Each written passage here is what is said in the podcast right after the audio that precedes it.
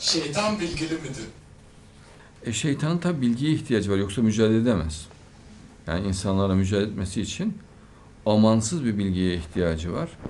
Bir insanın geçmişini bilmesi lazım, olayları bilmesi lazım, maddeyi bilmesi lazım. Yoksa o da sürekli düşer.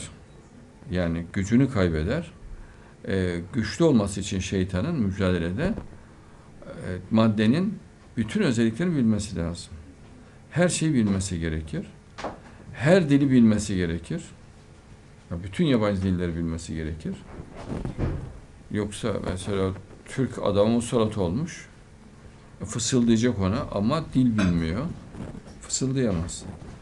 Şeytan bütün dilleri bilir. Yani amansız bir zeka, amansız bir bilgi kodlanmıştır şeytana. Fakat akılsızdır. Yani homoseksüel karakterlidir. İşte İngilizlerin devleti bu etki altında şu an.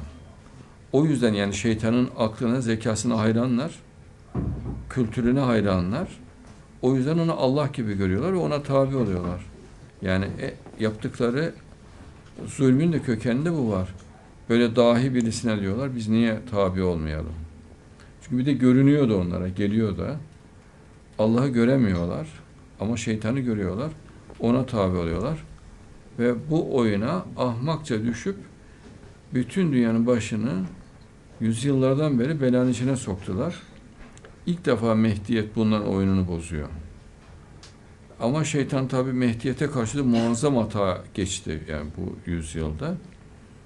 İşte Bediüzzaman'la uğraştılar. Biliyorlardı ne yapacağını.